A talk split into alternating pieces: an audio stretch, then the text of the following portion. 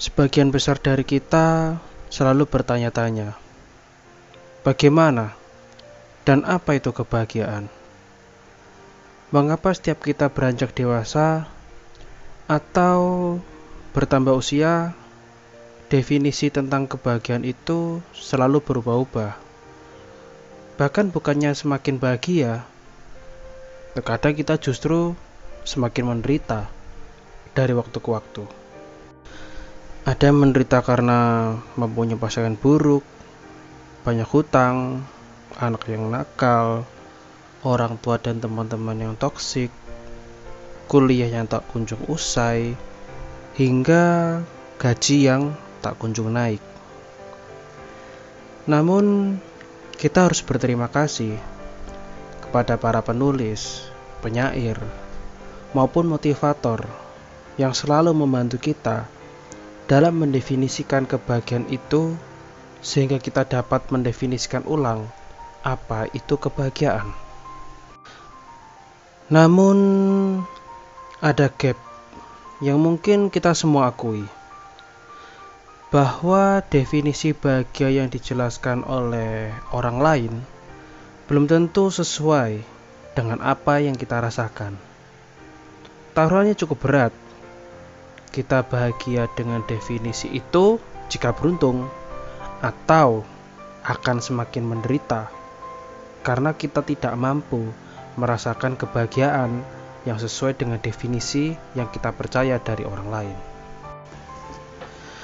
Sains menjelaskan bahwa kebahagiaan itu bergantung pada syaraf, neuron, sinapsis, hormon, dan seluruh jaringan, serta reaksi kimia yang ada di otak kita. Tingkat kebahagiaan setiap manusia itu pada dasarnya mempunyai istilahnya masing-masing yang diturunkan melalui kode genetik kita. Hal ini tuh membuat tingkat atau kadar kebahagiaan kita bersifat relatif. Nah, selalu muncul pertanyaan seperti ini. Namun apakah dengan kemajuan teknologi dan kehidupan lebih baik uh, itu akan membuat banyak orang di zaman ini tuh menjadi lebih bahagia daripada zaman dulu. Ternyata faktanya tidak seperti itu. Buktinya angka atau jumlah kematian akibat bunuh diri, KDRT maupun kejahatan di orang privat itu jauh lebih tinggi daripada uh, korban di zaman pertengahan yang kebanyakan disebabkan oleh peperangan. Nah, setiap manusia itu mempunyai kadar kebahagiaan yang relatif. Jika disebutkan dalam ukuran, seseorang bisa saja memiliki rentang bahagia itu antara 3 e, sampai 7 yang berarti angka relatifnya atau angka rata-ratanya itu di angka 5 Nah, kebahagiaan itu uh, akan stabil di level itu. Jadi jika dia mengalami puncak uh, tertinggi dalam kebahagiaan atau puncak terendah tiga, itu akan uh, balik lagi ke angka 5 itu tadi gitu.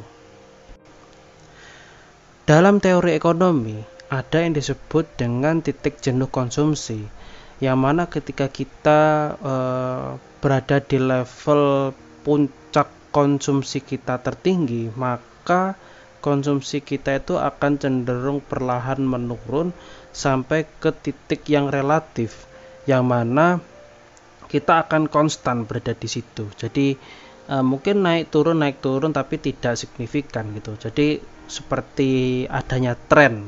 Nah contohnya seperti itu. Dari pemaparan tadi kita bisa sedikit menyimpulkan bahwa kebahagiaan kita itu tidak bergantung pada kondisi eksternal namun lebih kepada respon subjektif kita bisa dikatakan sebenarnya eh, kebahagiaan itu perbandingan lurus korelasi antara kondisi-kondisi objektif dan harapan-harapan subjektif. Jadi percuma apabila kondisi objektif kita itu baik atau positif, namun ternyata harapan subjektif kita itu rendah, maka sebenarnya kebahagiaan itu bisa saja tidak semaksimal orang yang mendapat kondisi objektif yang tidak lebih baik gitu. Alternatif kedua selain sains yaitu tentang makna. Makna ini sebenarnya erat kaitannya dengan kepercayaan, agama dan seterusnya. Jadi eh, saya masukkan ke ranah lebih umum yakni makna eh, sehingga bisa lebih bisa dipahami oleh eh, semua orang ya, tidak hanya agama tertentu gitu. Dalam alternatif ini hmm, gimana ya? Oh contohnya seperti ini. Sebenarnya banyak orang yang uh, justru menanggung beban hidup itu lebih berat daripada seharusnya. Bahkan mungkin dia lebih menderita daripada sukanya contoh seperti yang paling mudah katakanlah orang yang uh, berada dalam pernikahan dan mempunyai anak. Jika kita logika sebenarnya sebenarnya kan hidup sendirian itu kan lebih enak ya. Lebih tidak punya banyak tanggungan tidak perlu beli rumah yang besar tidak perlu membeli mobil keluarga cukup membeli rumah yang cukup untuk dirinya sendiri dan kendaraan untuk dirinya sendiri sudah cukup ya kan kalian pasti setuju dengan uh, argumen ini. Namun, pada satu titik, mereka itu menaruh makna dalam delusi subjektif mereka. Jadi mereka secara tidak langsung menik menikmati setiap penderitaan melalui makna yang sering disebut sebagai hikmah. Seperti ya kalau kita punya istri itu melengkapi hidup kita, e, menambah pahala terus apa me, apa istilahnya ya banyak lah intinya. Kalau punya anak terus apa e, menurunkan garis keturunan ya memang benar. Terus apalagi banyak lah gitu jadi ada makna yang e, tersirat yang tidak bisa dilukiskan dengan kalimat-kalimat logika gitu kan tapi e, di situ mereka menemukan kenikmatan dalam tanggungan-tanggungan beban-beban yang mereka alami semasa mereka melakukan itu. Kan? Itu juga berlaku seperti misalnya eh, para pengabdi negara, seperti tentara, polisi. Sebenarnya mereka ketika mencari pekerjaan lain pun lebih enak, tidak perlu mempertaruhkan nyawa, tapi eh, dalam diri mereka itu seperti, oh ini nasionalisme ini apa dan seterusnya gitu kan. Sehingga dia mempertaruhkan nyawanya rela disiksa ketika ditangkap dan seterusnya. Rela berlatih keras sampai seperti apa yang tidak bisa kita bayangkan dan seterusnya. Hal tersebut tidak bisa uh, dilukiskan melalui eh, kata-kata tidak bisa dituliskan melalui kalimat-kalimat. Namun uh, hal tersebut menjadi kebahagiaan yang secara tersirat, secara makna, sehingga walaupun mereka memiliki beban dalam prosesnya, dia menikmati itu, walaupun hasilnya pun mungkin juga tidak se sebesar yang mereka harapkan, tapi mereka bahagia dengan delusi-delusi subjektif itu, pemaknaan-pemaknaan subjektif itu, begitu. Namun, apakah orang ini salah? ya jika mereka bisa bahagia dengan fantasi delusinya sendiri kenapa tidak ya menurut saya sah-sah saja coba tanyakan dengan orang-orang yang ahli ibadah ya kan yang rajin beribadah tanyakan pada mereka kenapa anda suka beribadah? Ya kan? Pasti uh, dia bilang saya menemukan kenikmatan dalam beribadah. That's good. Itu bagus menurut saya. Karena dia berhasil menemukan kebahagiaan dalam suatu pemaknaan dalam hidupnya yang sebenarnya kita tidak pahami. Di sisi lain juga ada seperti orang yang suka menolong orang lain. Kan? Ada kalau nggak salah waktu pandemi ini pas hari raya eh pas hari pas bulan puasa itu ada orang yang menjual sebagian besar hartanya untuk disumbangkan kepada orang-orang yang terdampak eh, akibat dari COVID-19 ini. Dan dia fan-fan aja, dia senang melakukan itu katanya. Dan apakah orang yang salah? Ya enggak, ya kan? Justru saya sangat salut dengan orang-orang yang seperti ini bahwa dia bisa berbahagia dengan sesuatu yang uh, itu tidak bisa dijelaskan oleh oleh orang pada umumnya gitu kan. Ya harapan saya semoga semua orang seperti itu ya. Jadi uh, penderitaan akan terus menurun kalau misalnya seperti ini ya. Nah, dari konsep yang sudah saya jelaskan tadi, pada dasarnya kebahagiaan itu merupakan hal yang sangat subjektif. Kebahagiaan bergantung pada kinerja tubuh kita dan respon subjektif kita terhadap fenomena-fenomena objektif yang ada di luar sana. Oleh karena itu, sebenarnya hal yang uh, perlu kita lakukan adalah mengenali uh, diri kita ini jauh lebih dalam, ya kan? Kapan kita merasa tidak suka, tidak enak, tidak senang, menderita, dan kapan kita merasa senang, merasa nikmat dan merasa bahagia, gitu kan? Jadi menurut saya uh, kita tidak perlu menggunakan definisi orang lain terhadap suatu kebahagiaan. Cukup kita menggali diri kita sendiri tentang uh, apa nek positif dan negatifnya sehingga kita bisa meresponnya dengan cara yang baik dan benar gitu kan. Tapi ya dalam tanda kutip ya jangan menjadi brengsek juga gitu loh misalnya kalian saya bahagia ketika saya bunuh orang. Saya bahagia ketika saya menjelekkan orang lain. Saya bahagia ketika saya membuli orang lain. Ya itu namanya tidak bijak, kan? Nah, makanya oleh karena itu saya eh, menawarkan pada teman-teman sekalian eh, mengenali diri kita jauh lebih dalam, ya kan? Apakah kesenangan yang eh, saya dapati itu karena uh, membuat orang lain menderita. Nah itu perlu dikaji ulang gitu kan. Apakah ada yang salah dengan diri saya gitu kan. Di sisi lain juga sama. Apakah yang uh, kesedihan saya itu adalah ketika ketika melihat orang lain bahagia ketika melihat orang lain senang ya itu juga perlu dikoreksi. Jangan-jangan kita psikopat. Nah itu yang nah kalau anda merasa seperti itu segeralah ke psikolog ya kan? Segera konsultasi ke orang yang benar ya kan? Nah, harus mengenali diri kita dulu lebih dalam sehingga kita tahu kita itu siapa. Ketika kita tahu siap ketika kita tahu kita itu siapa kita akan bisa merespon uh, apa yang terjadi dalam diri kita ya kan? Apa yang salah di diri kita sehingga kita terus uh, memperbaiki kita dalam merespon sesuatu baik itu hal yang negatif yang penderitaan, tidak suka atau tidak senang ataupun itu yang positif itu kebahagiaan, kesenangan dan yang lain. Sehingga syukur-syukur kebahagiaan kita itu juga merupakan kebahagiaan orang lain gitu kan.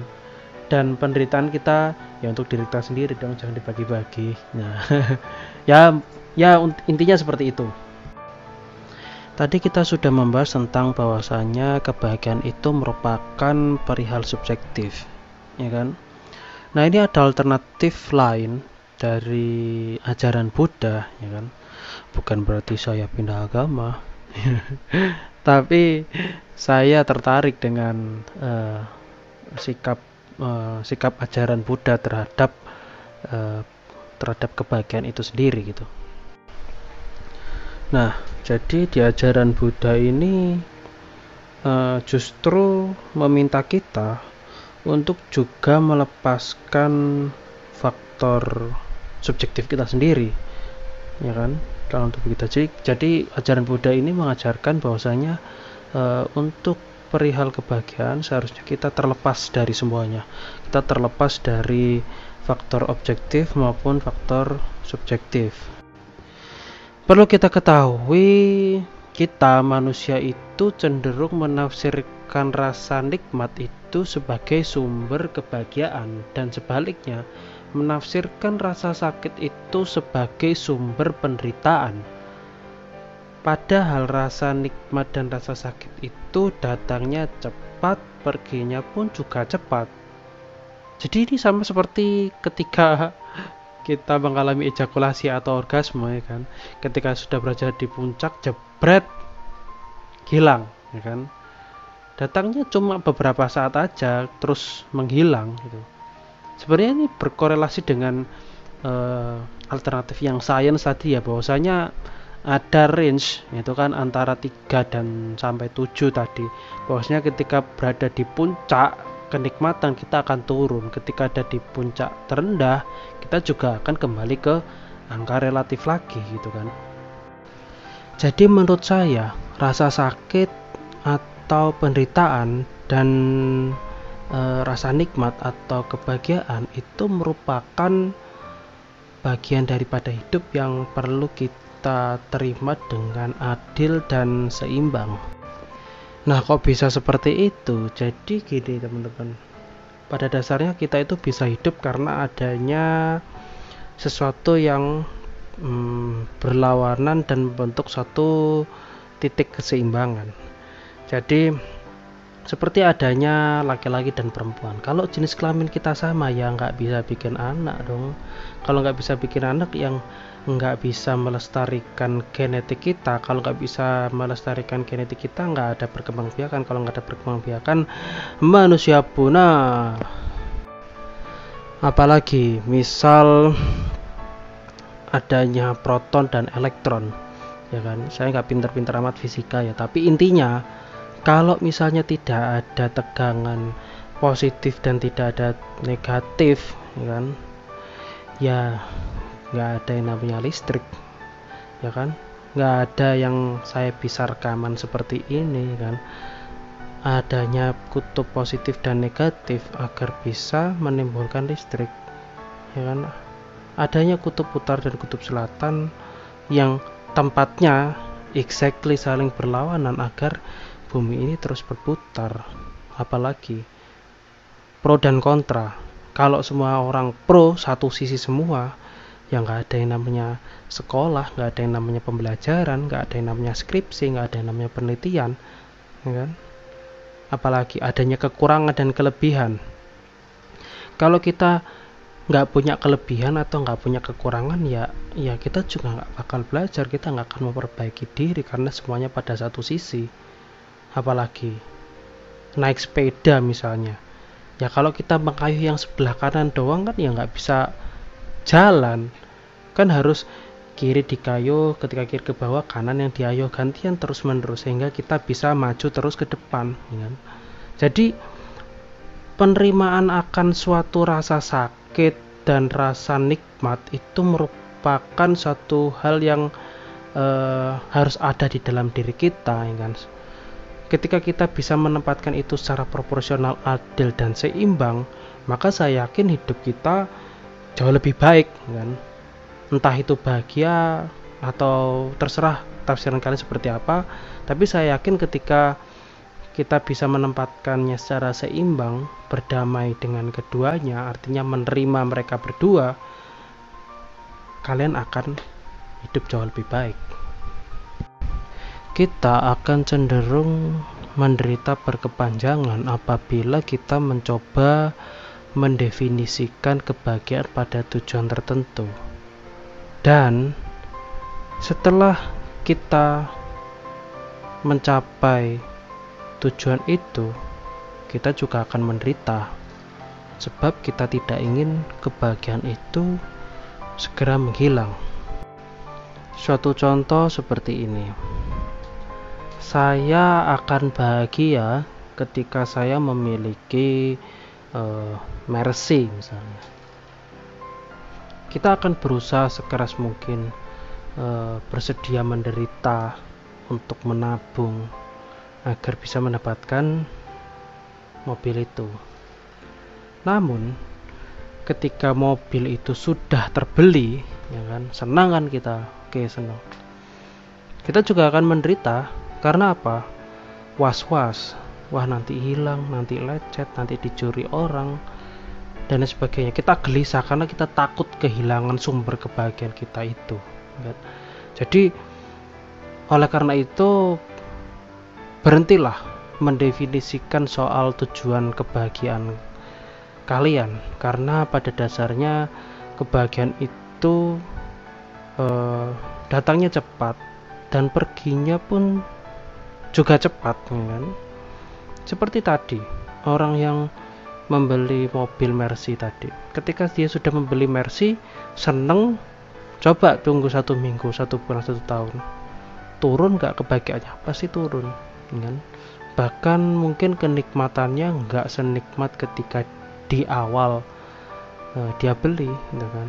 Bahkan setelah beli malah dia menderita karena khawatir itu tadi. Khawatir kalau sumber kebahagiaannya itu menghilang. Gitu. jadi ya yes biasa-biasa aja lah gitu loh. Menghadapi kebahagiaan ya jangan terlalu terlarut dengan euforianya. Ketika menderita ya jangan terlalu terlarut dalam penderitaan karena semuanya ini hanya sementara. Naik turun naik turun hmm, datang dan pergi datang dan pergi pergi jadi kesimpulannya kembali ke judul awal ya, bahwa apabila kita tidak mampu berbahagia, maka berdamailah dengan penderitaan. Bukan berarti kita menyerah pada keadaan, namun pada dasarnya semua ini ada dan bisa bekerja karena adanya dua hal yang saling bertentangan namun saling melengkapi satu sama lain, sehingga timbul suatu keseimbangan. Adanya laki-laki dan perempuan, adanya kutub utara dan selatan, adanya proton dan elektron, dan masih banyak lagi yang bisa saya jadikan contoh.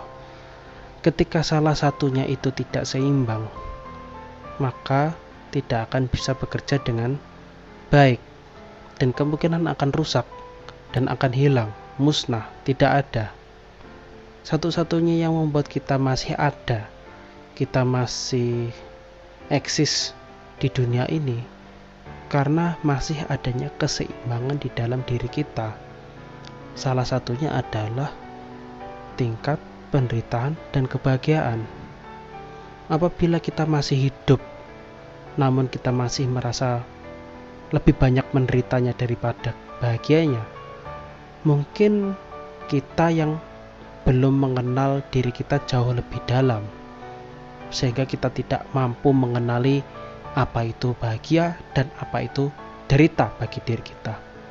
Sehingga, ayo kenali diri kita sendiri, sehingga kita bisa tahu apa yang terbaik bagi diri kita, dan syukur-syukur juga apa yang terbaik bagi orang lain.